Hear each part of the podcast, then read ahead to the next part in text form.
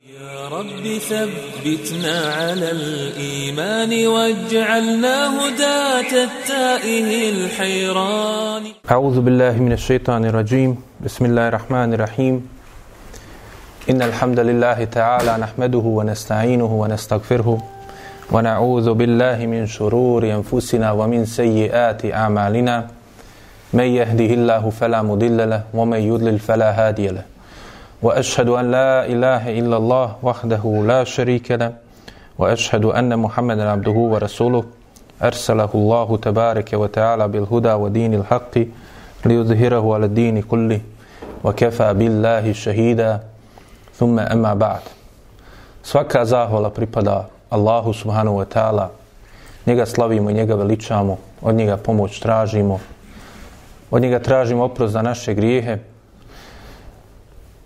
Neka je salavat i selam na njegovog posljednjeg poslanika, njegovog odabranika, Muhameda sallallahu alihi wasallam, njegovu časnu porodcu, sve njegove ashabe i one koji slijede njihov put do sudnjega dana. A zatim, nakon što smo vidjeli kako je Allah uzvišeni poslao svome poslaniku odabranu skupinu, skupinu mladića, pojedinaca iz Jesriba, Medine, koji su primili islam, a bilo je u početku samo šestorica, pa nakon toga 12. godine po poslanstvu došli poslaniku sallallahu alaihi ve sellem i dali mu prvu prisegu na Akabi, a tada je bilo 12. I kako je Allah uzvišeni promijenio stanje tog naroda, kako su ti pojedinci bili sjeme iz kojeg će Allahovom poslaniku sallallahu alaihi ve sellem da izraste jedna nova generacija iz grada Medine oni koji su bili u beznađu i ruševinama i ratu koji je trajao toliko dugo 120 godina borbi, bespotrebni borbi, borbi oko stvari koje nisu imale istinsku vrijednost, ali su neki profitirali na njima, neki su želi da se istaknu u tim borbama, neki su želili da ostvare svoje lične interese, lične ambicije, na uštrb čitavog tog naroda. Pa Allahov poslanik sallallahu alaihi ve sellem iako je on volio Meku želio da u Mekki narod koji su ga i najbolje poznavali koji su bili poznati po plemenitim osobinama i koliko toliko dobrom moralu i bili najpreči da mu se odazovu oni se ipak nisu odazvali. Pokušao je poslanik sallallahu alaihi ve sellem i u Taifu zato što su oni bili drugi centar posle Mekke, koji nije imao probleme kakve su imali u Medini, koji nije imao sukobe, nego imao jasnu strukturu, imao procvat u svojim poslovima dunjalučkim, pa su i oni također još imali i vezu sa poslanikom, sallallahu alaihi ve sellem, preko njegove majke po, po tome što, po, po mlijeku koja ga je dojila, Halime Sadije pleme Saqif, ali također i oni su još gori nego stanovnici Mekke odbili poslanika sallallahu alaihi wasallam. Pa je onda Allah uzvišen jel, kao što smo vidjeli sve one događaje koji se desili, uzdigao svoga poslanika sebi, učvrstio ga, pripremio za ono što mu slijedi, a to je da Allah uzvišeni će dati izlaz i odakle se i ne nadaš. Da će pobjedu i onima koji su bili najdalje da očekuju da će im doći ta pobjeda. Ali ako prihvate da slijede poslanika Muhameda sallallahu alaihi ve sellem, da slijede Allahovog poslanika i da se odazovu pozivu Allahovom subhanahu wa ta'ala, da slijede njegovu objavu koja dolazi njegovom poslaniku. Pa tako, je li to najgore mjesto nasprem ova, poredujući, je ova tri mjesta, Meku, koja je centar arapskog polotoka oko kojeg se skupljaju ljudi dolaze na hađ. S druge strane, Taif, koji je drugi centar u tom vremenu. S treće strane, vidjeli smo i plemena razna kojima se obraćao poslanik, sallallahu alaihi ve sellem, koji su, mnogi od njih imali u svojim područjima na arapskom polotoku, imali veliki uticaj, imali sposobnosti, imali snagu, vještine, ali niko od njih se nije odazvao u tom momentu. Ali ova mala skupina iz Jesriba se odazvala. I vratilo ih se ti 12 nakon prve prisege na Akabi u Medinu, pozivajući u Allahovu subhanahu wa ta'ala vjeru. S onim što su znali u skladu sa svojim mogućnostima i svojim znanjem što su naučili u tim kratkim susretima sa poslanikom, sallallahu alaihi ve sellem, oni su pozivali ljude u islam. Spominje se da je poslanik, sallallahu alaihi ve sellem, nakon prisege nakabi, te prve prisege, dakle 12. godine po poslanstvu, nakon hađa, dakle nakon mjeseca Zul Hidžeta, poslao i Musaba ibn Umeira u Medinu, da im on bude učitelj i bude daje pozivač na Allahom putu. Pa se u predajama koji su došle kod Ibn Ishaka u njegovoj Siriji, i kod Ibn Sada u njegovim tabekat i u Delajlu Nubuve kod Behekija spominje se da je Musa ibn Umeir otišao i pozivao stanovnike Jesriba tada, jel, to je kasnije Medine, u islam i da je odsjeo kod Esada ibn Zurare, pos, pos, prethodno spominutog jednog od tih prvi koji su odazvali Allahom poslaniku, sallallahu alaihi ve sellem, i primili islam, poznato kao Ebu Umama, radijallahu anhu, odsio kod njega i da su pozivali stanovnike Medine u islam. Ali treba napomenuti da predaje koje govore o tome da imaju svoju slabost i da su sve predaje koje govore o tome da je Musa ibn Umeir bio poslan kao daja, da su slabe. Svi lanci prenosilaca, ti predaje su slabi i sve ono što je vezano za kazivanje onoga što je radio u tom periodu Musa ibn Umir vežu se za te predaje. Vjerodostojno je preneseno da su prvi muhađiri koji su učinili hijđru iz Mekke u Medinu bili Musa ibn Umeir i Ibn Umi Maktum.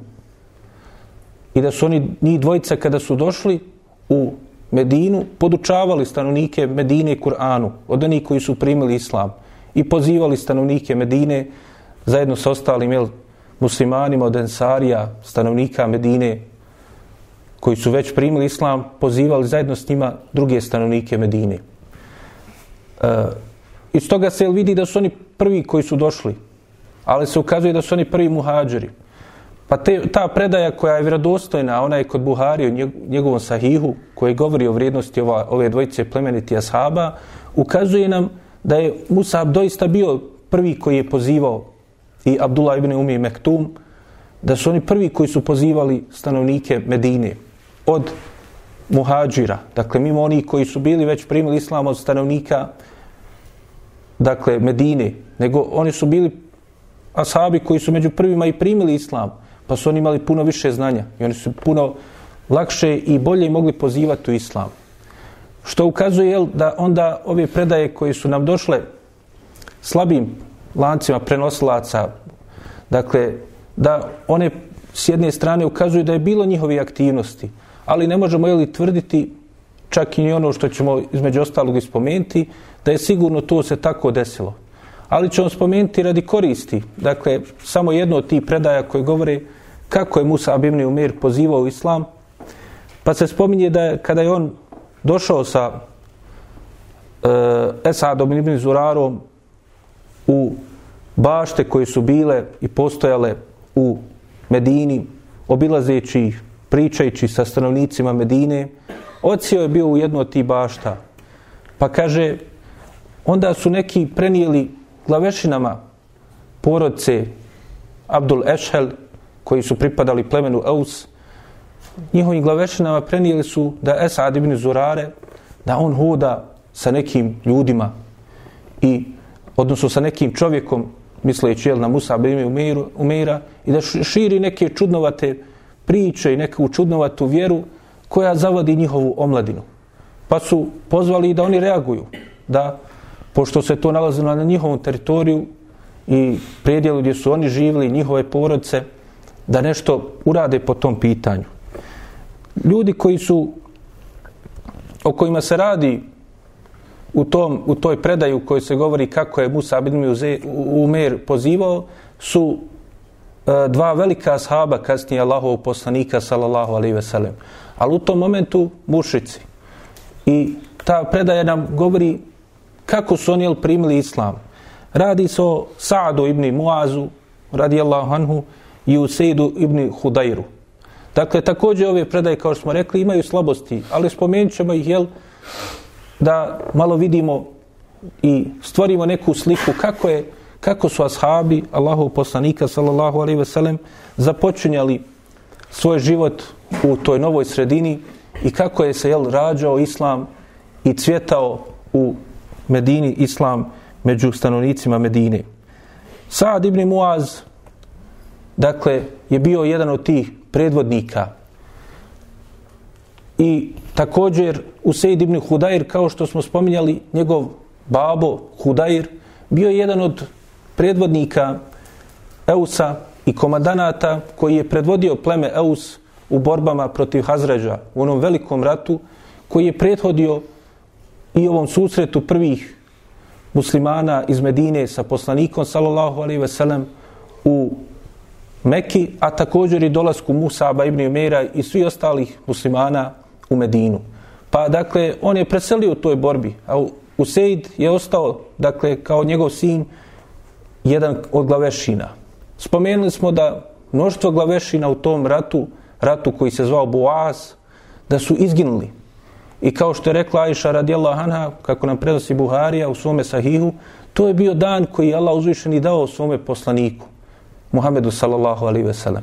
Zato što je iz tog beznađa koji će nastati nakon tog rata, nestanka tih glavešina, tih pokvarenjaka, onda ova omladina je bila slobodna da malo ona razmišlja svojom glavom, da ne bude jel okovana razmišljanjima svojih predvodnika, svojih glavešina, koji su jel stalno vodili računa o svojim interesima, oholili se i nisu lako mogli primiti istinu.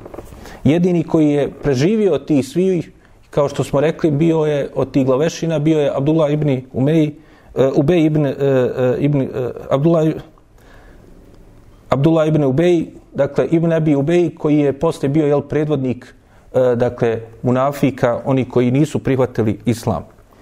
I odnosno koji su prihvatili islam, ali pretvarajući se.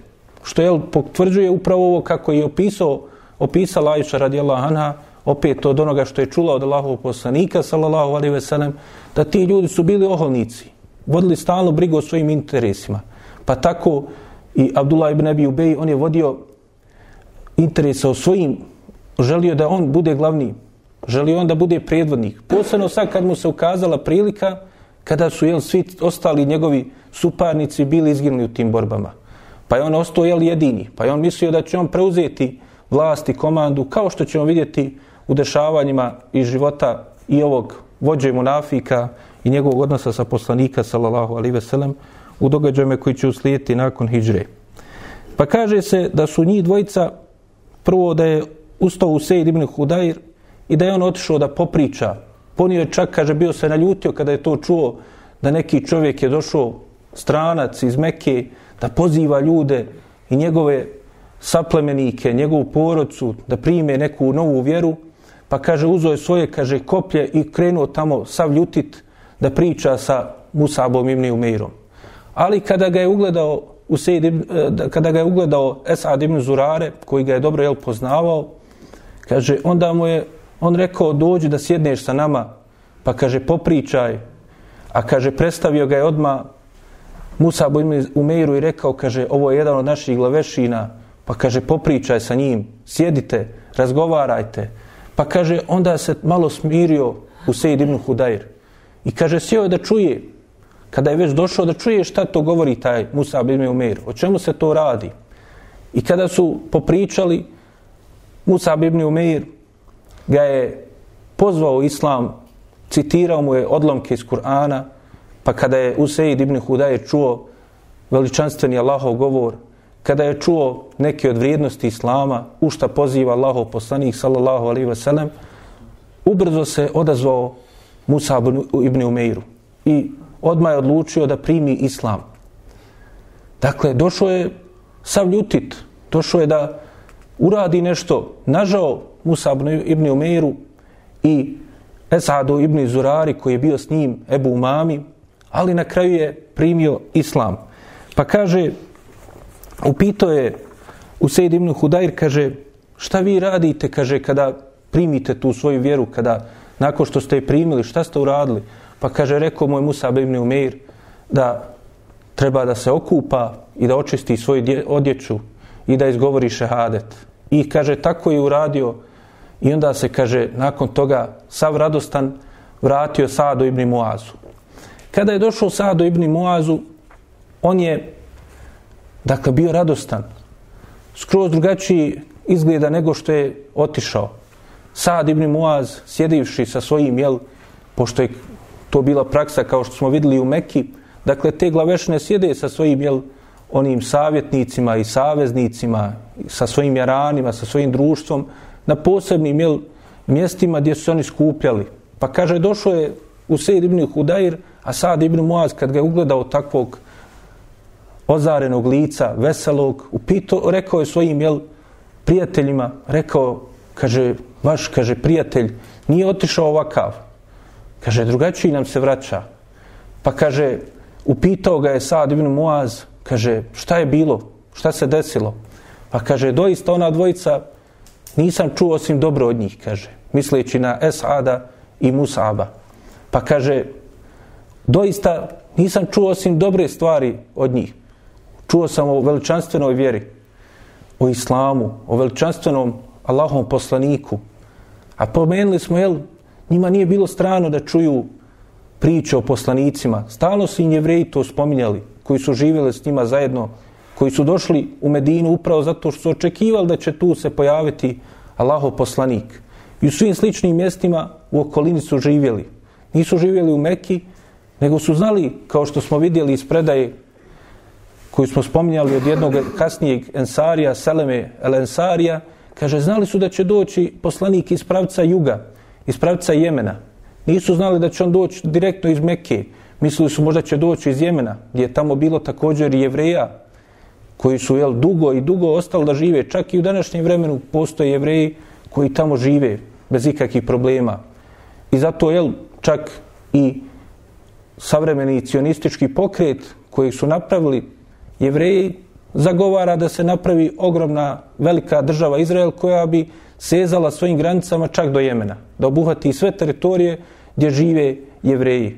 I oni nisu zaboravili ni danas dan, ni Hajber, gdje su jel, u tom vremenu živjeli, nisu zaboravili ni Vadi Kura, koja je također blizu tu između Hajbera i Medine, u kojoj je također plani, e, e, područje u kojem ima palminjaka, jer su oni znali da će se pojaviti poslanik u području gdje su e, vulkanske stijene, dakle crne stijene koje su pod uticajem vulkana promijenile svoj izgled, koje su postale oštre, kakve su i danas dan u Medini, kakve su bile i ostali na Hajberu, a također u Vadi Kura. Pa dakle, o, ovi stanovnici Medine od Arapa, oni su znali da ima neki poslanik da se pojaviti. Njima to nije bilo čudno. Za razliku jel, od stanovnika Mekke, koji su zaboravili o tome i nisu se prisjećali, niti su imali informacija više o tome od onoga što je ostalo, jel, vrlo malo od poslanstva Ibrahimovog i drugih poslanika Ismaila ali selam koji je prvi se jel naselio u Mekki. Dakle, oni su ostali, kao što smo vidjeli, govorili su to su kazivanja drevnih naroda. Dakle, ostala su im ta kazivanja, čuli su, ali nisu to mogli da povežu. A ovi su to mogli da povežu. Pa je to je bila opet Allahova mudrost. Zašto je su zašto je upravo Allahov poslanik sallallahu alejhi ve sellem sreo upravo tu skupinu mladića iz tog mjesta? Zašto su oni tako jel lako odazvali? Pa kaže Sad ibn Muaz, njemu se to nije svidlo što je čuo. On ne zna šta je jel rekao njemu direktno i, i sve šta je tačno mu rekao Musab. Pa je on opet se, on lično naljutio i kaže uzo je on svoje koplje i požurio prema toj bašti da on popriča sa Musa Bojmini Umerom, a Allah najbolje zna da uradi i da ima namjeru da uradi čak nešto gore. Pa kaže, kada je došao tamo, kaže, ponovo je Esad ibn Zurare ustao i rekao, evo dolazi još jedan od glavešina porodce Abdul Ešel, pa kaže Musabe, popričaj s njim, upoznaj ga sa islamom. Pa kaže ovaj opet, jel, poštujući te, taj bonton koji je postoje kod njih, dakle da se popriča, da se ne, ne nastupa tek tako i da se poštuju neki bontoni, načini kako se pristupa nekoj osobi koju ne, ne poznaješ, koja je gost kod tebe, on je ipak jel, se smirio i savladao tu svoju srđbu i taj i tu mržnju koju, koja je bila, nije bila zaosnova, osnovana ni na čemu, jel? jer još nije znao o čemu se radi. Ali šetan je u njemu budio tu mržnju prema istini. Iako ne zna zašto, ali kaže mrzi. I to ćemo često vidjeti. Ljude kada koji vide prvi put nekoga ko se pridržava islamskih propisa, javi to kod njega neku mržnju. Ne zna nije zašto ga mrzi. Ali samo zato što ga je vidio, šeitan mu jel, počne da došaptava, da ga nagovara, da treba da mrzi takvu osobu, pokrivenu ženu, pogleda je kakva je, na što ono liči. A ovo što ne zna o čemu se radi. Dakle, totalno mu, jel, zaslijepi njegovo razmišljanje i njegovu, njegovu svijest, šetanovo djelovanje, zato što on sam po sebi nije na istini. Pa onda, jel, onda odmah mora se kod njega javiti odbojnost prema istini. Dakle, onda je Sad ibn Muaz sjeo sa Musabom ibn Umeirom i nakon što je on pro, popričao sa Musabom, čuo odlomke iz Kur'ana, spominje se da mu je proučio prve ajete i dio sure Zuhruf. Nakon što je čuo te, taj govor veličanstveni Allahov, upoznao nešto od vrijednosti Islama i ono što poziva Allahov poslanik sallallahu alaihi ve sellem i on je primio Islam. Isto je postupio kao i njegov prijatelj Useid. Pa kaže, upito je Musa, ba šta vi uradite kada primite Islam i šta ste uradili kada ste primili Islam? Pa kaže, rekli su mu da treba da se okupa i očisti svoju odjeću, izgovori šehadet i on je tako i uradio i onda se jel vratio i pozvao su svoju porodcu. Pozvao je, kaže, sve svoje suplemenike tako da iz te velike porodce nije ostalo ni jedna kuća, a da u njoj nije bio neko ko je primio islam. Jedina, kaže, osoba ili jedina kuća u čijoj niko nije bio primio islam, bila je kuća jednog kasnijeg ashaba, Allahov poslanika, kojim je bilo ime Useirim. To jeste, to mu je bio eh, naziv po kojem je bio pozvan, eh, eh, poznat, dakle, možemo reći nadimak, a pravo ime mu je bilo Amr ibn Sabit.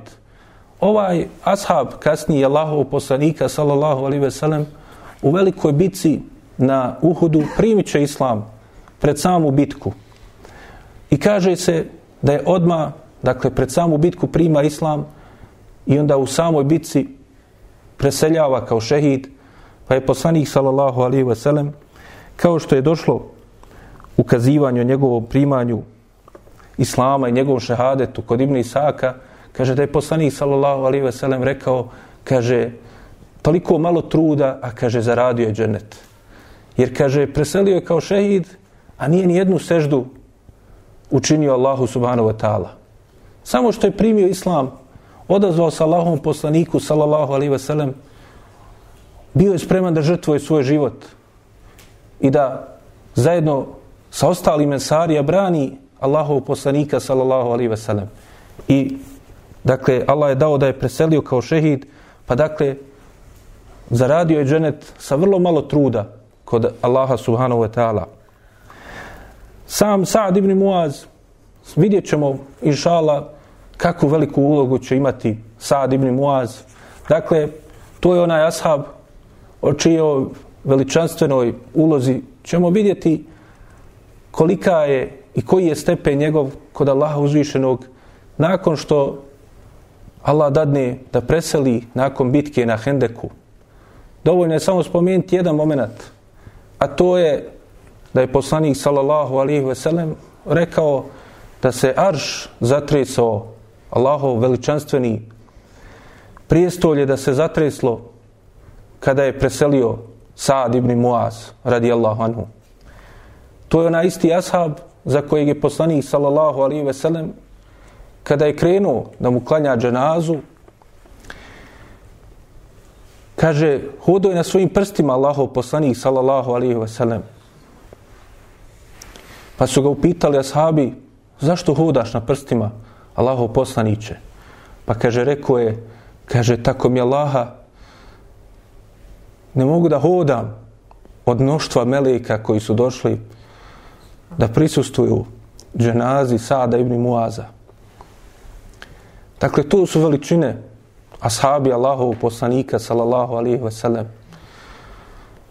I to su primjeri na koji se treba ogledati. Sad ibn Muaz također poslanik, sallallahu alaihi veselem kaže za, kada ga je vidio kako je zaklao svoju devu na kojoj je jahala njegova supruga iz ljubomore, pa se ashabi začudili, rekao je, zašto se čudite Saadu ibn Muazu i njegovoj ljubomori? Ja sam, kaže, doista ljubomorniji od njega.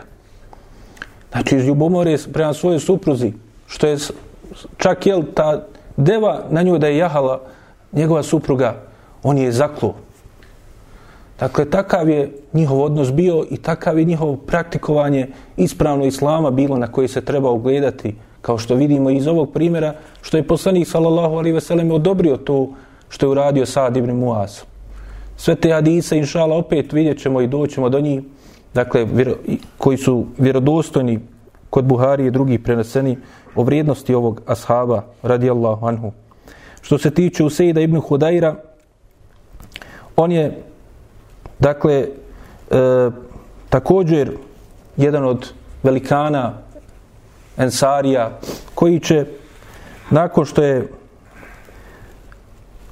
prisustuo zajedno sa poslanikom, sallallahu alaihi ve sellem, na drugoj toj prisegi, na Akabi, koju ćemo vidjeti uskoro, e, kazivanje o njoj, prisustvo je u bici na Bedru, a u bici na Uhudu je bio sedam puta ranjen, no preživio je od tih rana i živio je do 20. godine po Hidžri i preselio u Hilafetu, Omera radijallahu anhu koji ga je lično ukopao i odnio do njegovog kabura i njegovog prebivališta u mezarju Bekije i kao imam klanjao mu dženazu.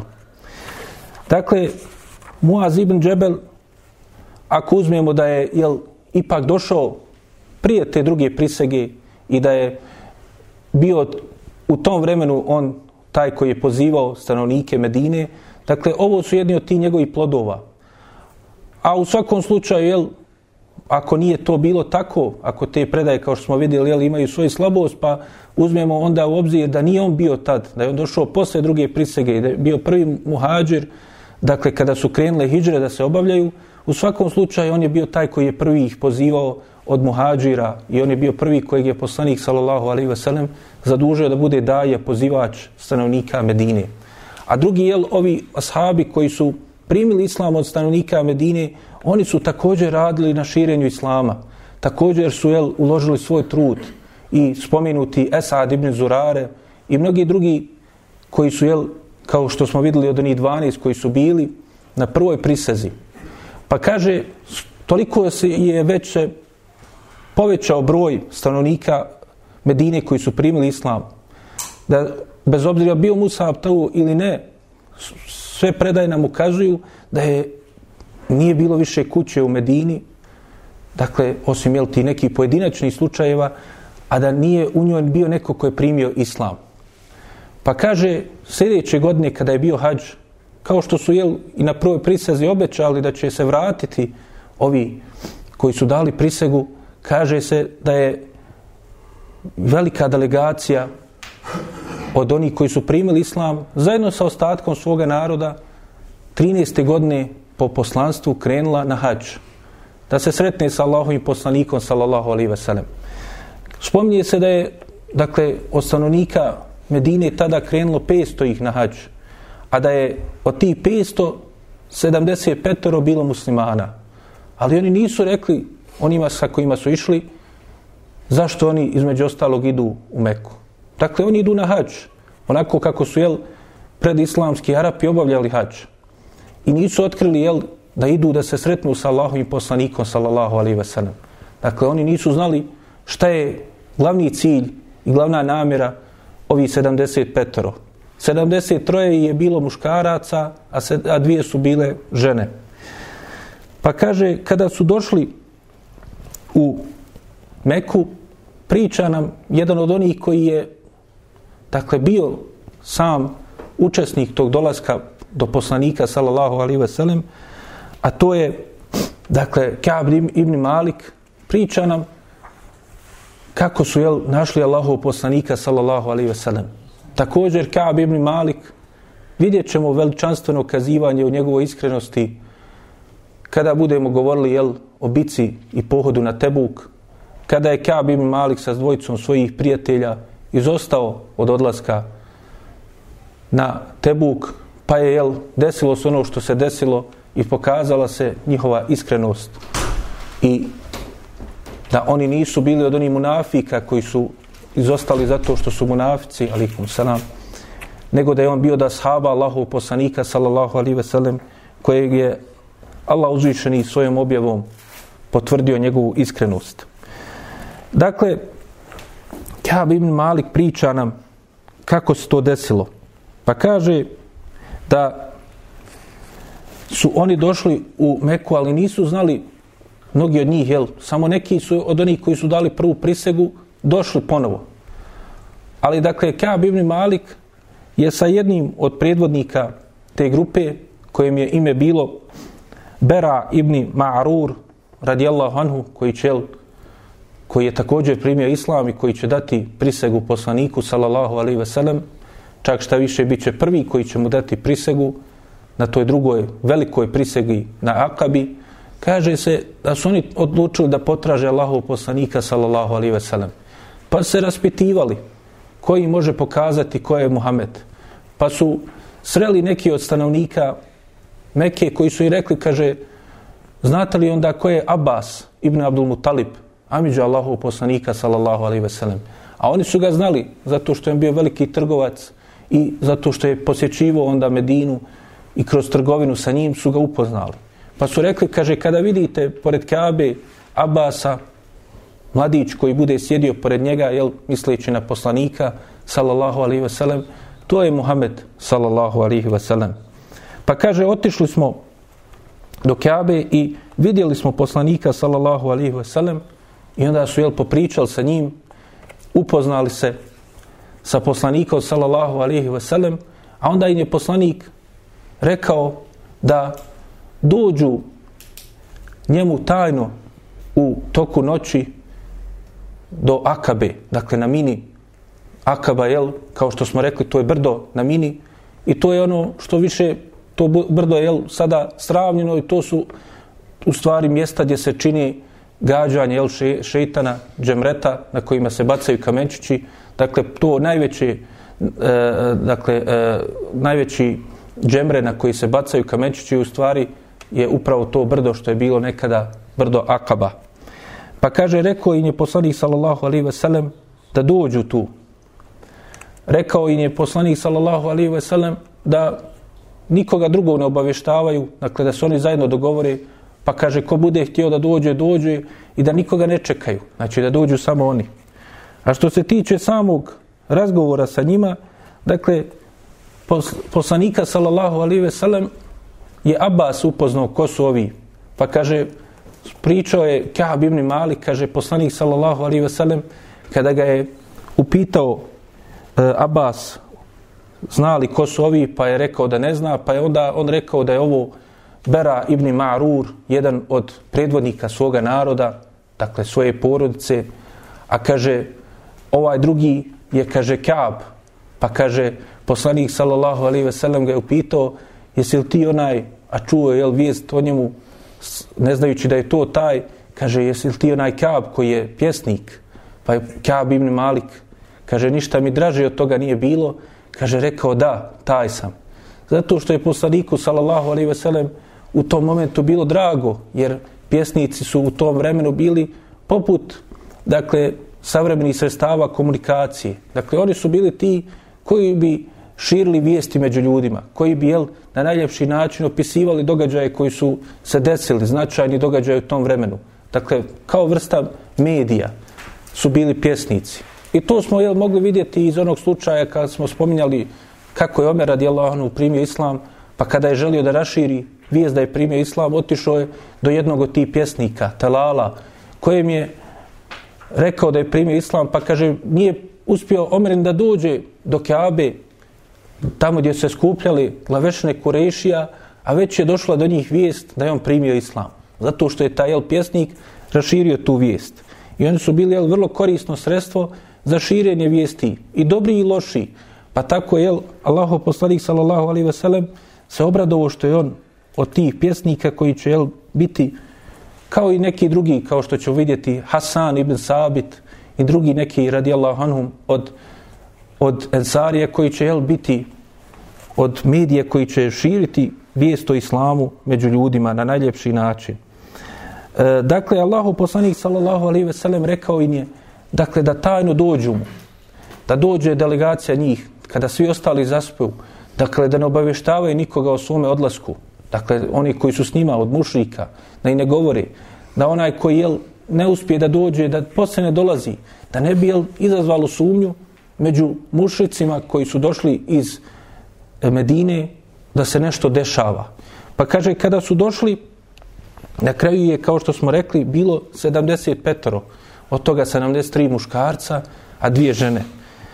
Što se tiče ti žena, to su bili e, dvije kasnije jel, ensarike Allahov poslanika sallallahu alaihi ve sellem prvo ime Nusejba čerka Kaaba poznata kao Umu Amare a druga je Esma bintu Amr kojoj je bio nadimak Umu Menije dakle kao što smo vidjeli Ebu, znači to je otac nečiji Ebu Hurire ili Ebu Bekr Znači, to su nekada bili nadimci ili nekada bi bili stvarni, dakle, očevi. Nekada bi bio samo nadimak ujedno to Ebu.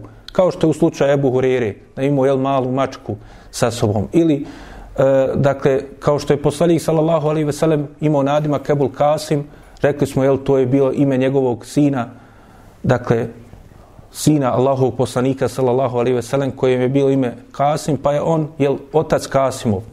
A dakle, ovo umu, dakle, to je nekada bilo e, isto kao nadimak, a nekada bi bilo stvarno. Znači, imala bi, jel, sina, pa je onda bila ona majka, dakle, e, kao što je ovde, e, dakle, majka Menija ili majka Amare.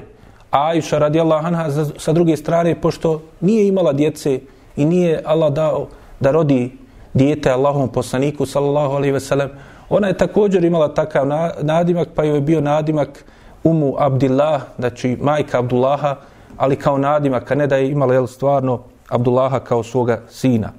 Pa kaže, sa poslanikom, sallallahu alaihi ve sellem, došlo je u tim predajama kod Ibn Ishaka i e, Ibn Sada i drugi, dakle da je u jednim predajama da je došao poslanik, sallallahu alaihi ve sellem, zajedno sa svojim amiđom Abbasom do tog mjesta prije ovih ensarija, a u drugim predajama je da je došao E, dakle, e, da su oni već došli, pa je onda došao poslanik sallallahu alaihi ve sellem sa Abbasom.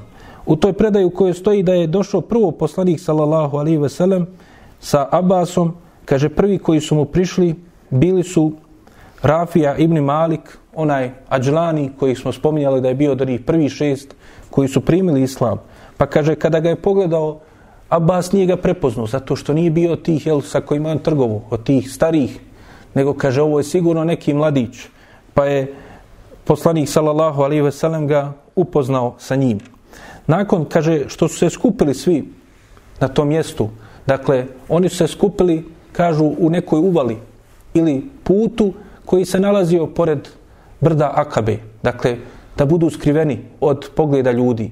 A opet, jel, da ne bude čudno što se toliki svijet kreće po tim područjima, jel, što, zato što su bili obredi vezani za posjetu tih mjesta na mini.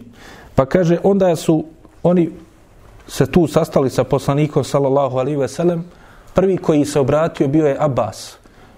Abbas ibn Abdul Mutalib, dakle, još uvijek nije primio islam, još uvijek je na širku, još uvijek je na onome na čemu je njegov narod. I spada jel, u uglednike Kureša, uglednike mušrika, ali došao je da potpomogne svoga a, bratića. Kao što smo vidjeli jeli, da je Ebu Talib to radio. Sada jel tu ulogu preuzima Abbas, ali on nije bio na tom stepenu kao što je Ebu Talib. Nije ga mogao štititi kao što ga je štitio Ebu Talib, ali želi da pomogne Allahov poslanika sallallahu alaihi ve sellem. Dakle, pogledajmo jel, kakav su imali moral ti ljudi. Iako je na širku, neprijateljstvu u osnovi prema njegove vjeri, ali ipak poštuje rodbinske veze i želi da ga pomogne. I poslanik sallallahu alejhi ve sellem mu to dopušta, uvažava, znači to što je on amidža, iako je na širku, i zajedno dolaze u taj jel, jedan od najvažnijih događaja u životu Allahovom poslaniku sallallahu alejhi ve sellem, a pored njega njegov amidža Abbas koji je mušik, koji nije na islamu, u tom tajnom dogovoru, koji je jedan od najznačajnijih događaja i susreta u istoriji čovečanstva, zato što iz njega će izrasti hijđra i odlazak poslanika sallallahu alaihi ve sellem u Medinu, izrast jel, sve ono što je poslije stvorio poslanik sallallahu alaihi ve sellem u Medini. Pa kaže Abbas ibn Abdul Mutalib, dakle u tom svom stanju, govori njima, kaže, znajte da ovaj moj bratić, dakle došao je sa pozivom kojim je došao, njegov narod ga nije prihvatio, on je na ovom na čemu se nalazi. Kaže, mi mu pružamo zaštitu, znači naša porodca, mi mu pružamo zaštitu.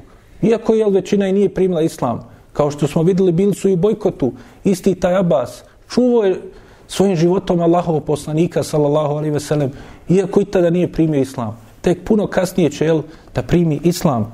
Pa kaže se, e, da je rekao onda Abbas, kaže, i kaže, on će doći sa vama, otići kod vas da živi, pa kaže, jeste li vi spremni da podnosite to što će uslijediti nakon toga, misleći jel, na sukobe koji će biti neminovno, da njegov narod jel, ga neće ostaviti na miru, da neće dopustiti da on tek tako ode i da nastavi da širi to, da će se suprostaviti. Očekivo je Abbas jel, da će doći do sukoba zbog toga. Pa kaže, ako dođe do toga, kaže, da li ćete ga vi onda ostaviti? Da li ćete, ako vidite da gubite nešto od svoga ugleda ili svojih života ili svoga imetka, da li ćete ga onda ostaviti i napustiti? Ako je tako, onda već to odmah urate. Ostavite ga ovdje, mi ćemo ga štititi. Nemojte ga jel, onda dovesti do u situaciju da ode, pa da ga onda vi iznevjerite. Kaže, nakon što je završio svoj govor, Abbas obratio se Kaab ibn Malik, radi anhu. Rekao je Allahovom poslaniku, sallallahu alaihi ve sellem, kaže, Allahov poslaniće, reci šta ti želiš za sebe i za svoga gospodara. Mi smo spremni. Nema priče, ne interesuje nas sve to što se spominje, šta nam se može desiti. Reci šta želiš, mi ćemo to ispuniti. Pogledamo, jel, kako od prvih momenata spremni su da pomognu Allahov poslanika, sallallahu alaihi ve sellem. Iako i Abbas upozorava šta ih more dočekati zbog toga, ali to ih nije nimalo poljuljalo posebno ove veličine poput Kaaba ibn Malika. Pa kaže, onda je poslanik sallallahu alaihi ve sellem proučio im neke odlomke iz Kur'ana, pozvao ih u islam, pojasnio im neke stvari od islama i onda ih pozvao da mu dadnu prisegu. Pa kaže, tražio je poslanik sallallahu alaihi ve sellem od njih prisegu, da, im dadne, da mu dadnu prisegu na vjernost i da mu dadnu prisegu na pokornost i u rahatluku i u teškoći. Također, da će, da će biti spremni udjeljivati na Allahom putu svoj imetak i, u, i kada budu ga imali i kada budu i na imaštini, onoliko koliko mognu.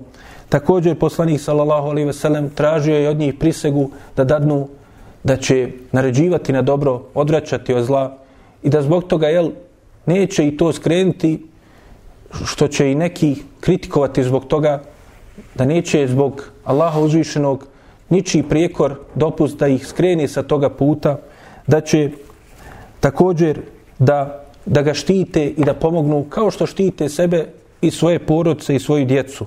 Pa kaže, nakon toga se obratio Bera ibn Ma'rur, Allahom poslaniku, sallallahu alaihi ve sellem, uzeo i kaže ruku plemenitu Allahov poslanika, sallallahu alaihi ve sellem, spreman da dadne prisegu poslaniku sallallahu alejhi ve sellem govoreći onaj kaže tako mi onoga koji te poslao sa istinom dakle tako mi Allaha koji te poslao sa istinom sa objavom mi smo spremni ti dati prisegu i da te štitimo kao što štitimo svoje svoju, kaže, čeljad, svoju djecu i svoje žene.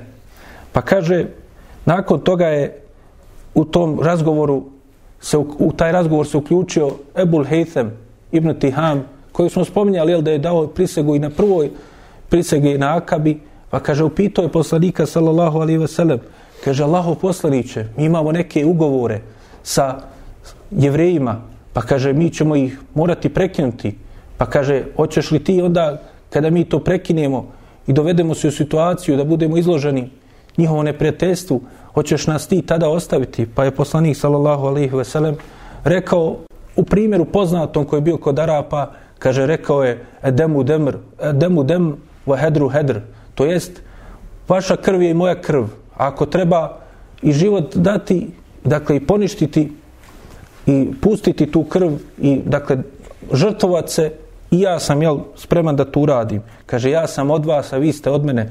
Kaže, ono što je, ko je vaš neprijatelj, on je i moj neprijatelj. Dakle, ja ću biti s vama zajedno i u tim dogovorima i u, u prekidanju tih dogovora. I oni koji vas napadnu, ja sam jedan od vas i bit ću spreman da se žrtvujem kao što ste, jel, vi obavezujete da će se žrtvovati za mene.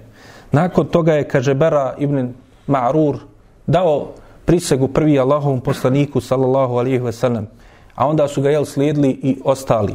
Nakon toga je poslanik, sallallahu alihi wasallam, od njih zatražio da izaberu 12 nukaba.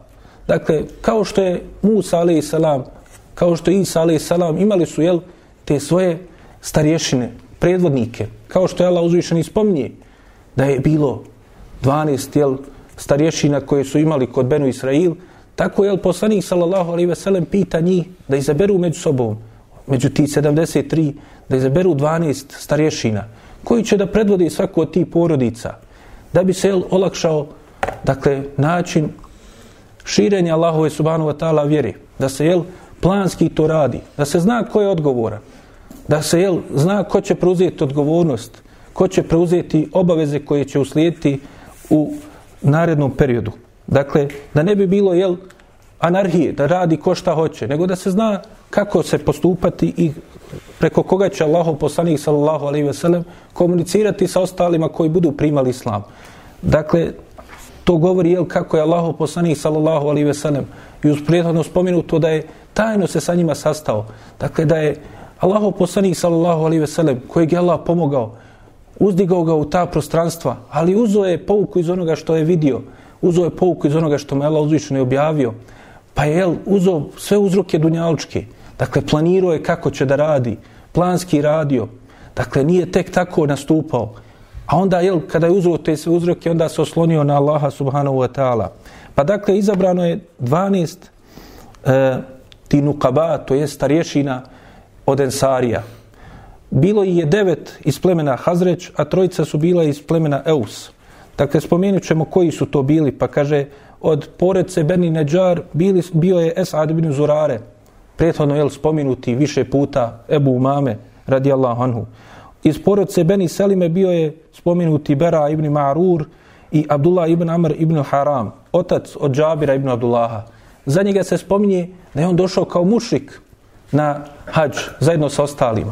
Ali da su Kaab ibn Malik, Malik i Bera ibn Marur pozvali ga sebi, dakle, da popričaju s njim, pa su mu rekli, jel, kaže, da li ti želiš da budeš od goriva džehenemskog? Nemoj to sebi dopust. Upoznali su ga sa islamom, pa je on primio islam. Pa je, jel, odmah se odazvao Allahovom poslaniku, sallallahu alaihi ve sellem, i odmah mu dao prisegu. Također, od e, e iz porodice Beni Saide bio je Saad ibn Ubade i Muzir ibn Amr kao starješine. Iz porodice Benu Zurejk, dakle po, opet prijetno spomenuti Rafija ibn Malik el Ađlani koji je došao među prvim onima koji su i primili islam od poslanika sallallahu alaihi ve sellem a iz porodice Haris ibn, uh, ibn Hazređ je bio Abdullah ibn Ebi Ravaha koji ćemo također vidjeti kako će veliku ulogu odigrati Abdullah ibn Ravaha radijallahu anhu u bitci na Mu'ti. Također Sa'ad ibn Rabi radijallahu anhu je također bio iz ove porodce Haris ibn Hazreć. A iz porodce Amra ibn Aufa ibn Hazređa bio je Ubadete ibn Samit koji je, kao što smo vidjeli, bio također kao i Sad ibn Rabija i na onoj prvoj prisegi. Iz plemena Eus bila su trojica, dakle, spomenuti Useid ibn Hudair je bio kao starješina poroci Abdul Ešel, a Beni Amr, iz Beni Amr ibn Auf bio je Sad ibn Hejtheme i Rifaate ibn Abdul Munzir.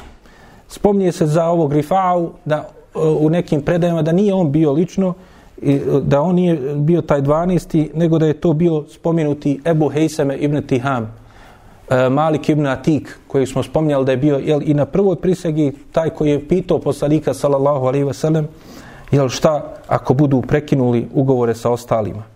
Nakon toga e, poslaniku sallallahu alaihi ve sellem se obratio nakon što su izabrali ti 12 starješina obratio se Abbas ibn Ubade ibn Nadle pa kaže zamolio poslanika sallallahu alaihi ve sellem da se obrati ensarijama. Dakle da obrati se tima koji su dali prisegu. Da potvrdi jesu li svjesni šta su uradili.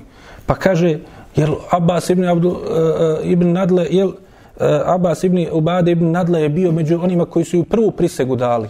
Pa dakle on je bio već imao jel, vremena koji i već je upoznao dosta o islamu i bio je već jel, puno duže od njih dakle, u islamu, pa je želio da, da potvrdi kod njih odlučnost tu koju su pokazali. Pa kaže, rekao je, kao što prenosi Ibn Isak, da je nakon toga obratio se Hazređu, misleći je li na Hazređ kojem je on pripadao, a i na Eus koji su tu bili, ali iz plemena Hazređ, kao što vidimo, bilo je puno više. Pa kaže, rekao je, kaže, dali ste, kaže, prisegu poslaniku sallallahu alaihi ve sellem da kaže e, e, da ćete ratovati i sa kaže crvenim i sa kaže crnim od ljudi misleći jel svi će se ukrenuti protiv vas. Nije važno na njihovo porijeklo na njihovu rasu na njihovu boju kože svi će biti protiv vas zbog ovoga što ste prihvatili. Kaže i vi ćete na to putu gubiti i metke gubit ćete svoje e, ugled gubit ćete svoje živote. Pa kaže jeste li spremni to žrtvovati? Jeste li spremni dakle da to sve žrtvujete radi Allaha uzvišenog? Ako kaže to odbijete i ako zbog ti iskušenja koja će neminovno biti budete poklekli, znajte da će kaže to biti poniženje i na dunjalku i na ahiretu. A kaže, a ako budete e, takvi, onda je bolje da već sad jel, odustanete. Ako nećete izvršiti tu prisegu koju ste dali, taj ugovor koji ste napravili sa Allahovim poslanikom, sallallahu alaihi ve sellem, bolje da već sada odustanete. Pa kaže, nakon toga, kaže, rekli su, nema sumnje da smo spremni na to. Žrtvovat ćemo to sve. Samo neki, jel, su upitali Allahov poslanika, sallallahu alaihi ve sellem, ako to izvršimo, kaže, šta nam pripada za to? Pa kaže, poslanik, sallallahu alaihi ve sellem, rekao je, džennet, Kada su to čuli i oni koji su imali imalo sumnje, se smirili i potvrdili svoju odlučnost da će pomoći Allahov poslanika sallallahu sallallahu alihi wasallam. Nakon toga su se vratili u svoja prebivališta.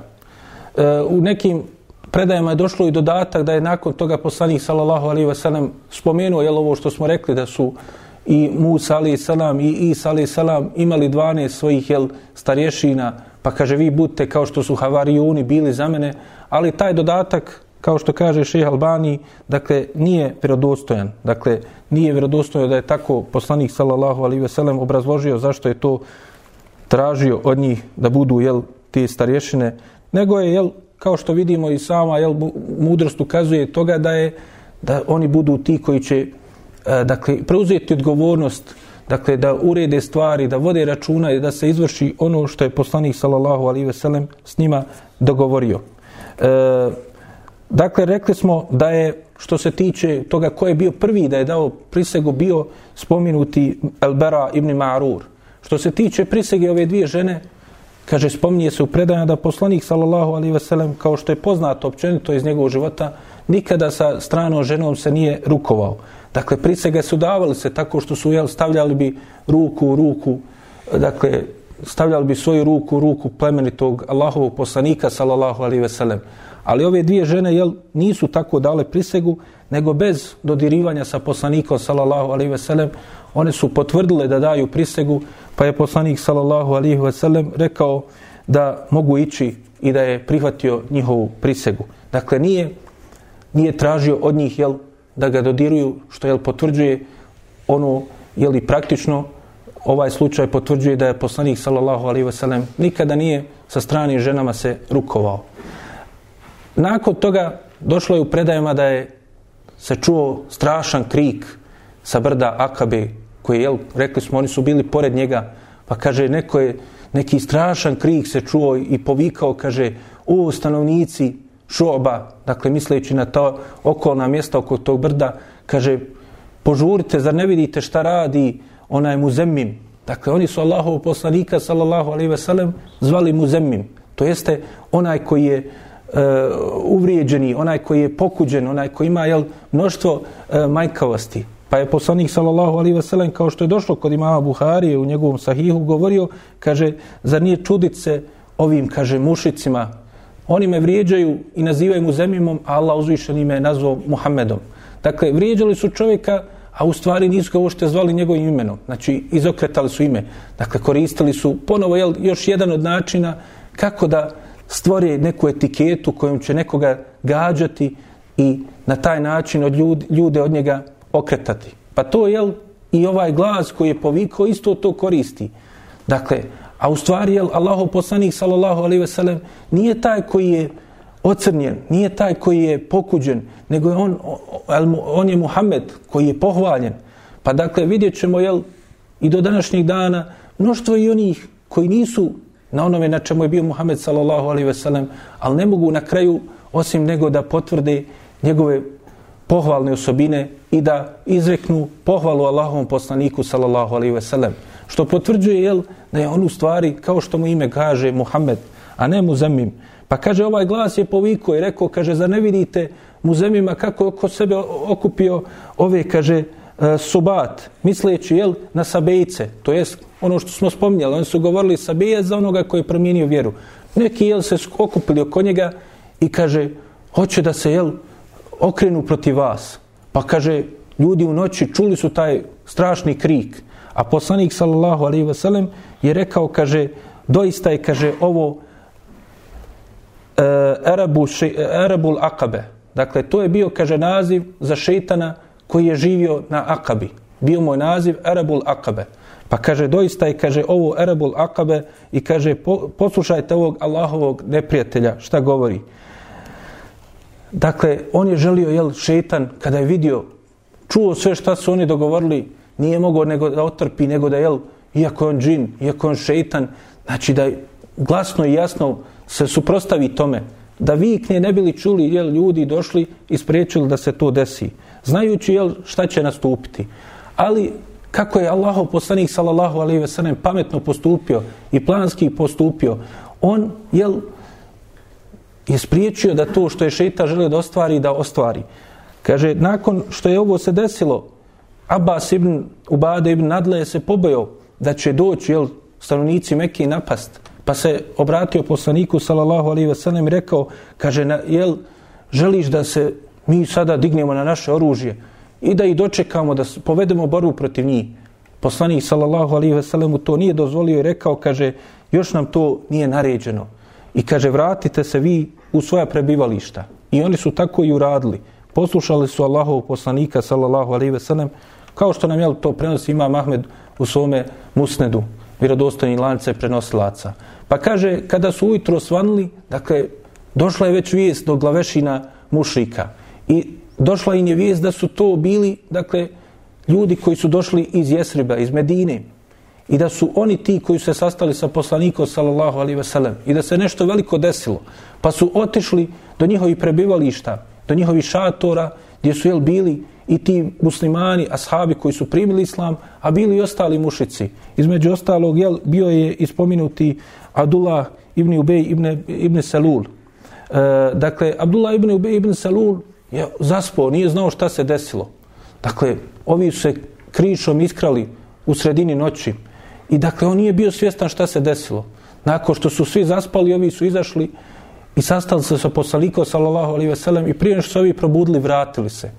Pa kaže, kada im se obla, normalno, pošto je on bio predvodnik, jedini jel koji je preostao tih stari predvodnika u, od, dakle, plemena e, medinskih, on je, dakle, bio najpreći da se njemu obrate ove glavešene e, Kurejša. Pa su mu rekli, kaže, jesu li čuo šta su uradili tvoji mladići, da su otišli, sastali se Muhammedom sallallahu alaihi ve sellem, primili njegovu vjeru, nešto dogovorili s njim. Abdullah ibn Ubej ibn Salul bio je u e, zaprepašten, iznenađen tim vijestima i rekao, kaže, nije se to moglo desiti. Kaže, ništa mi niko nije rekao. Kaže, ja bi to sigurno znao da, da su on to planirali. Što je jel smirilo, onda Kurešije, kaže, ako ne zna njihov glavešina, onda sigurno se ništa nije ni desilo. Dakle, to je još jedna od mudrosti zašto je Allah uzvišen i ostavio tog munafika kasnije, jel? Dakle, i u toj prilici on je ostao i bio je Allahov uzrok, jel, kojeg je on dao da se spriječi da ovi saznaju i zaustave ono što će kasnije nastupiti. Poslije kada se vratili u Medinu, onda on više nije mogao zaustaviti ono što su oni radili. Nije se više mogao pod pomoći sa mušicima Meke da ih zaustavi. Pa će on na kraju morati da prividno primi islam i na kraju jel da rovari među muslimanima kao vođa munafika da bi spriječio poslanika sallallahu alaihi ve sellem u onome u čemu je E, sa čim ga je Allah uzvišeni poslao. E, dakle, na taj način je završila ta druga prisega. Nakon toga su se vratili stanovnici Medine u svoja prebivališta, a poslanik sallallahu alaihi ve sellem je počeo pripreme za odlazak e, u Medinu. Dakle, od mudrosti koje možemo izvući iz ovoga svega što se desilo jeste da vidimo da je prije svega E, to bio veličanstveni događaj u životu Allahov poslanika sallallahu alaihi ve sellem. Vidimo jel, i samo govora kojeg prenosi nam imam Buharija u svome sahihu, govora Kaaba ibn Malika, kaže kada je on već bio u dubokoj starosti, spominje se da je već bio slijepio. Pa kaže, njegov sin ga bi e, vodio e, i bio mu vodič. Pa kaže, pričao bi svome sinu Abdullahu, Kaab ibn Malik, je govorio, kaže, doista sam ja bio u tom danu kada smo davali prisegu Allahovom poslaniku, sallallahu alaihi ve sellem. I kaže, nije mi ništa draže od toga. Čak ni učešće u bici na bedru nije mi draže od toga. Iako je, kaže ljudima, dan bedra i ono što se desilo u bedru, na bedru poznatije i draže, ali kaže meni je draže to što sam bio na toj prisegi na Akabi. Zato što, jel, da nije bilo te prisege, ne bi bilo ni bedra, ne bi bilo ni hijđre Allahov poslanika, sallallahu alaihi ve sellem, i ne bi bilo svih onih dobara koja se desila nakon ove prisege i nakon dolaska poslanika, sallallahu alaihi ve sellem, u, e, dakle, Medinu. Također, jel, treba vidjeti ali kako je Allahov poslanik sallallahu alejhi ve sellem planski radio. Dakle, kako je planski napravio plan za svoje pozivanje ljudi. Kako je i sam taj susret iskoristio sve mogućnosti da za, zaustavi i spriječi da se raširi jel, vijest o tome da neko spriječi njihov susret da se do, dogodi.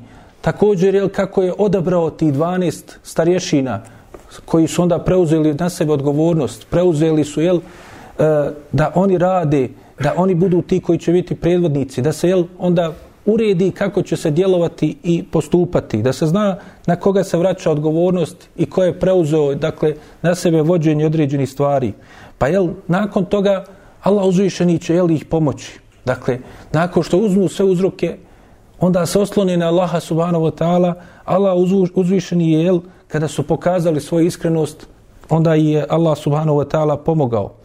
E, također vidimo iz ovoga što je poslanik sallallahu alaihi wasallam, iako su to bili mladići, dakle iako su to bili momci koji su bili spremni se žrtvovati, koji su iskreno prihvatili se onoga u što i on poziva, kada je jel Abbas ibn Ubade ibn Nadle pitao poslanika sallallahu alaihi wasallam, da li nam dopuštaš da i napadnemo u ovom momentu, dakle da se suprostavimo, da odmah završimo te stvari.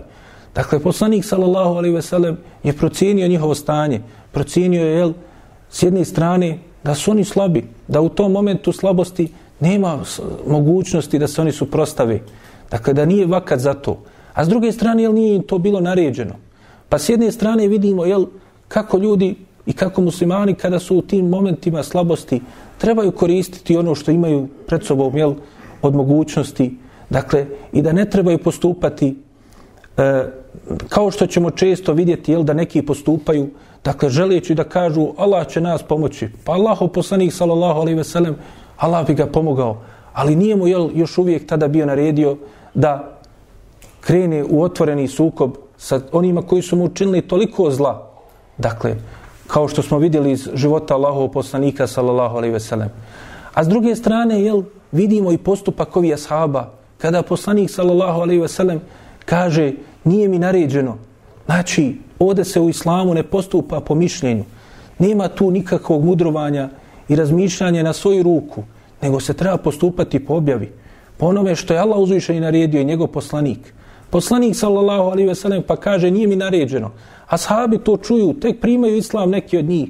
Kažu, nije naređeno Allahom poslaniku, nije došlo objavom, nemamo mi tu šta razmišljati. Pa možda je sad pametniji, pa možda bi mi sad njih mogli iznenaditi, pa mogli, možda bi mogli završiti, pa da preuzmemo Meku, pa da se sve to završi. Dakle, Allahova naredba se treba da poštuje. Dakle, Allahov poslanik, sallallahu alaihi veselem, nadao se da će u Meki nastaviti svoj davu. Nikada nije želio da po, napusti Meku. Ali Allah uzvišeni mu je dao izlaz, odakle se on nije nadao. Zato što je Allah uzvišeni ono što odredi, to je sigurno bolje za nas. Bilo je bolje za njegov poslanika, pa kako da ne bude bolje jel, i za nas.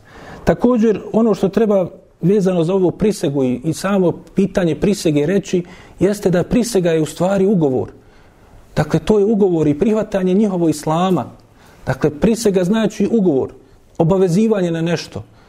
I vidjet ćemo često poslanik sallallahu alaihi veselem i nakon ove dvije prisege nakabi kroz život svoj, dakle i kroz dešavanja teška, tražio je priseg od svojih ashaba. A to je jest da potvrde ugovor koji imaju sa Allahom subhanahu wa ta'ala. U tom slučaju jel, bilo je praktična ta prisega. Općenito gledajući, islam sam po sebi je ugovor koji ti imaš sa Allahom subhanahu wa ta'ala. Dakle, prihvatio si neke obaveze. Allah uzvišeni ti nudi veličanstvene blagodati za to što se držiš Allahove vjere i na dunjalku i na ahiretu. Dakle, to je tvoj ugovor sa Allahom uzvišenim. Dakle, tvoj namaz, tvoje izvršavanje Allahovi naredbi, klonjenje njegovih zabrana, to je Allah, tvoj ugovor sa Allahom uzvišenim. A to nije dokaz to što je ovdje poslanik sallallahu alaihi ve sellem vidimo i tajno traži od njih prisegu. To nije dokaz i dozvola da se mogu stvarati neke tajne prisege, neki tajni dogovori. A onda je tražiti vjernost nekim tajnim organizacijama koje onda na osnovu toga jel, rade i grade svoje prijateljevanje i neprijateljevanje. To jeste, ko je s nama, on je dobar. Onaj koji je, nije s nama, koji nije u toj prisegi, on je protiv nas. Dakle, to je samo važno za poslanika, sallallahu alaihi ve sellem. A općenito, jel, samo javne, dakle, prisege kao što su, jel, bile iz onoga što je desilo se poslije u životu muslimana od prvog Ebu Bekra radijallahu anhu kada mu je data prisega kao vladaru. To je jedino propisano, jel? Dakle, kada se ispune uvjeti islamske države i prisega islamskom vladaru, a ne neke tamo tajne prisege nekim nepoznatim ljudima ili nekim tajnim organizacijama, što nažalost vidimo da neki koriste iz ovog događaja koji se desio poslaniku sallallahu alaihi veselem. E, što se toga tiče, čak jedan od praktičnih primjera tog zloupotrebe toga jeste ono što je pitan Ibn Taymije u svome vremenu, kada su, jel, kaže neki u vremenima kada su Tatari, Mongoli napadali muslimane, pa se stvarale razne grupacije i grupice koji se žele da su prostave njima. Ali su jel, to radili na skroz pogrešan način. I onda su jel, koristili neki to da steknu ugled, steknu vlast. Pa kaže, došlo je pitanje Ibn Taymije, kako je e, zabilježeno u njegovim fetvama, dakle, da su ga neki pitali, Kaže, imamo čovjeka koji nas predvodi, koji nas podučava borbi, ali on, kaže, traži da mu dadnemo prisegu. I kaže, da ne smijemo ići nikome drugome e, bez njegove dozvoli. Također, kaže, traži da onda u ime toga, jel, prijateljimo i neprijateljimo. Ko je s nama, on valja. Ko nije, on je protiv nas. Pa kaže, odgovorio je, kaže, Ibnu Tejmije, kaže da to nije dozvoljeno. Nije dozvoljeno, kaže, praviti nikakve partije, na osnovu koji će se stvarati prijateljavanje i neprijateljavanje. Osim Allahove subhanahu wa ta'ala vjeri. I da kaže da na takav način vas sprečava. Kaže to, taj slučaj i to što on vas, od vas traži, kaže to isto što ima sa druge strane Džingis Khan. Dakle, predvodnik Mongola i Tatara. Zato što je on imao jel, prisegu na vjernost eh, i prisegu na smrt svojih pristalica, pa su oni jel, uradili ono što su sve uradili u svome pohodu kroz e, prostranstva i muslimanska i nemuslimanska u tom vremenu. Pa kaže, to je isti postupak koji oni imaju. To islamu nije propisano. Dakle, kaže, vi ste obavezani i on vas može obavezati samo onim što je Allah uzvišeni obavezu. Dakle, pokornost Allahu i njegovom poslaniku, izvršavanju Allahu i naredbi, naredbi Allahov poslanika, a ne bilo kakve tajne prisege. Dakle, to ćemo vidjeti i današnjim vremenu, jel, kod ti neki razni organizacija, vidjet ćemo također i kod Sufija koji na takav način nastupaju neke ekstremne sufijske grupacije koje daju jel, prisegu svojim predvodnicima. Čak neki spominju jel, jedan od glavnih uzroka, što je često se zaboravlja, a s druge strane skreće da je nešto drugo bilo uzrok uništenja osmanskog, dakle, hilafeta, jesu derviški redovi, čiji su šehovi predvodnici postali onda suparnici osmanskim vlastima i želili kontrolu na određenim područjima, zato što su oni imali jel, te prisege tajne, imali razne grupacije koje su im onda bile u odanosti. Pa je, kaže, kao posljedica toga bilo da su jel, neki sultani, dakle osmanski vladari, e, jedno vrijeme mislili da mogu napraviti pakt sa njima, pošto oni imaju te razne svoje privatne vojske, da im oni pomognu u nekim borbama i u nekim dakle, e, dešavanjima koja se dešavala. Ali su onda vremenom oni se suprostavili osmanskim sultanima i onda rascijepkali njegovu vlast i njegov uticaj u mnogim područjima, što je jedan od glavnih uzroka da, da se desi jel, nestanak osmanskog carstva uz neke druge jel, uzroke. Što ukazuje jel, koliko je taj problem zastupljen bio i ostao kroz razna vremena u islamskom umetu. Dakle, vjernost treba biti Allahovoj subhanahu wa ta'ala objavi njegovom poslaniku podrž, pridržavanju onoga što je Allah uzvišeni naredio. Prijateljevanje i neprijateljevanje na temeljima Kur'ana i Sunneta. Pokornosti Allahu subhanahu wa ta'ala, njegovom poslaniku, bez obzira bil, u kojoj jel, području živjeli, kojoj državi pripadali, kako bilo političko uređenje. Dakle, muslimani trebaju da budu braća na tim temeljima. Jedinstvo da ostvari na tim temeljima. Zar ne vidimo slučaj jel, Eusa i Hazređa, koji su toliko ratovali, pa na kraju kada se okupili oko Allahove objave, Allah uzvišeni je pomogao, pobratimili se jel, i sa muhađirima, kao što ćemo išala vidjeti, koji su jel, došli, koji su zbog, zbog čijeg dolaska su morali trpiti, dakle i fizički, zato što će im se mušici meke suprostaviti i materijalno zato što su jel, dijelili sve što su imali sa njima. Dakle, to je istinski odnos koji treba da bude kod muslimana, a ne radi neke jel, tajnih organizacija i grupacija koje često jel, to koriste razni pojedinci za svoje lične interese i za preuzimanje kontrole nad određenim grupacijama, jel, da bi onda oni ostvarili svoj uticaj, došli do imetka, došli do vlasti ili tome slično. Islam je čist od toga i poslanik sallallahu alaihi ve sellem u ovim slučajima nije želio na to, dakle neke tajne prisege radi toga nego da bi se jel pomogla Allahova subhanahu wa ta'ala vjera. Dakle, to je ono što se tiče dešavanja u ovome periodu i e, vezano za drugu prisegu na Akabi. Dakle, to je jedan veličanstveni događaj u životu Allahovog poslanika, salallahu alaihi ve sellem, i to je događaj od kojeg se jel, počinje ponovo E, potpuno nova faza u životu Allahovog poslanika sallallahu alejhi ve sellem. Od ovoga momenta poslanik sallallahu alejhi ve sellem znao je da će hidžu učiniti u Jesrib, u Medinu. Znao je da će jel morati napustiti Meku. Dakle, potpuno novi život počinje Allahov poslanik sallallahu alejhi ve sellem. A s druge strane, jel vidimo kako ti pojedinci, ona šestorica koja su prva se srela sa poslanikom sallallahu alejhi ve sellem, kako jel većina njih nisu toliko poznati, ali dakle veliku ulogu su oni imali u pomoći Allahovog poslanika sallallahu alejhi ve sellem. To što možda nisu toliko poznati među ljudima, oni su poznati kod Allaha. Onaj koji potpomogne istinu na bilo koji način, Allah uzvišeni neće zaboraviti ako ljudi zaboravi. Allah uzvišeni će ga najbolje nagraditi sa svojom nagradom. Pa dakle, treba se ugledati na sahabe Allahov poslanika sallallahu alejhi ve sellem na život Allahov poslanika općenito da vidimo jel i uzmemo iz toga pouku kako da ustrajimo na putu istine kako jel da shvatimo da je neophodno žrtva na tome putu.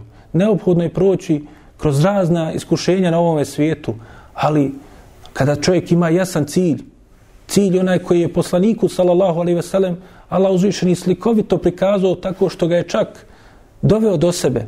Dakle, da je cilj džennet, da je cilj to vječno boravište, da je cilj Allahovo zadovoljstvo, onda za taj cilj se treba boriti. Jer je to najbolji cilj za kojeg se čovjek može boriti na ovom svijetu.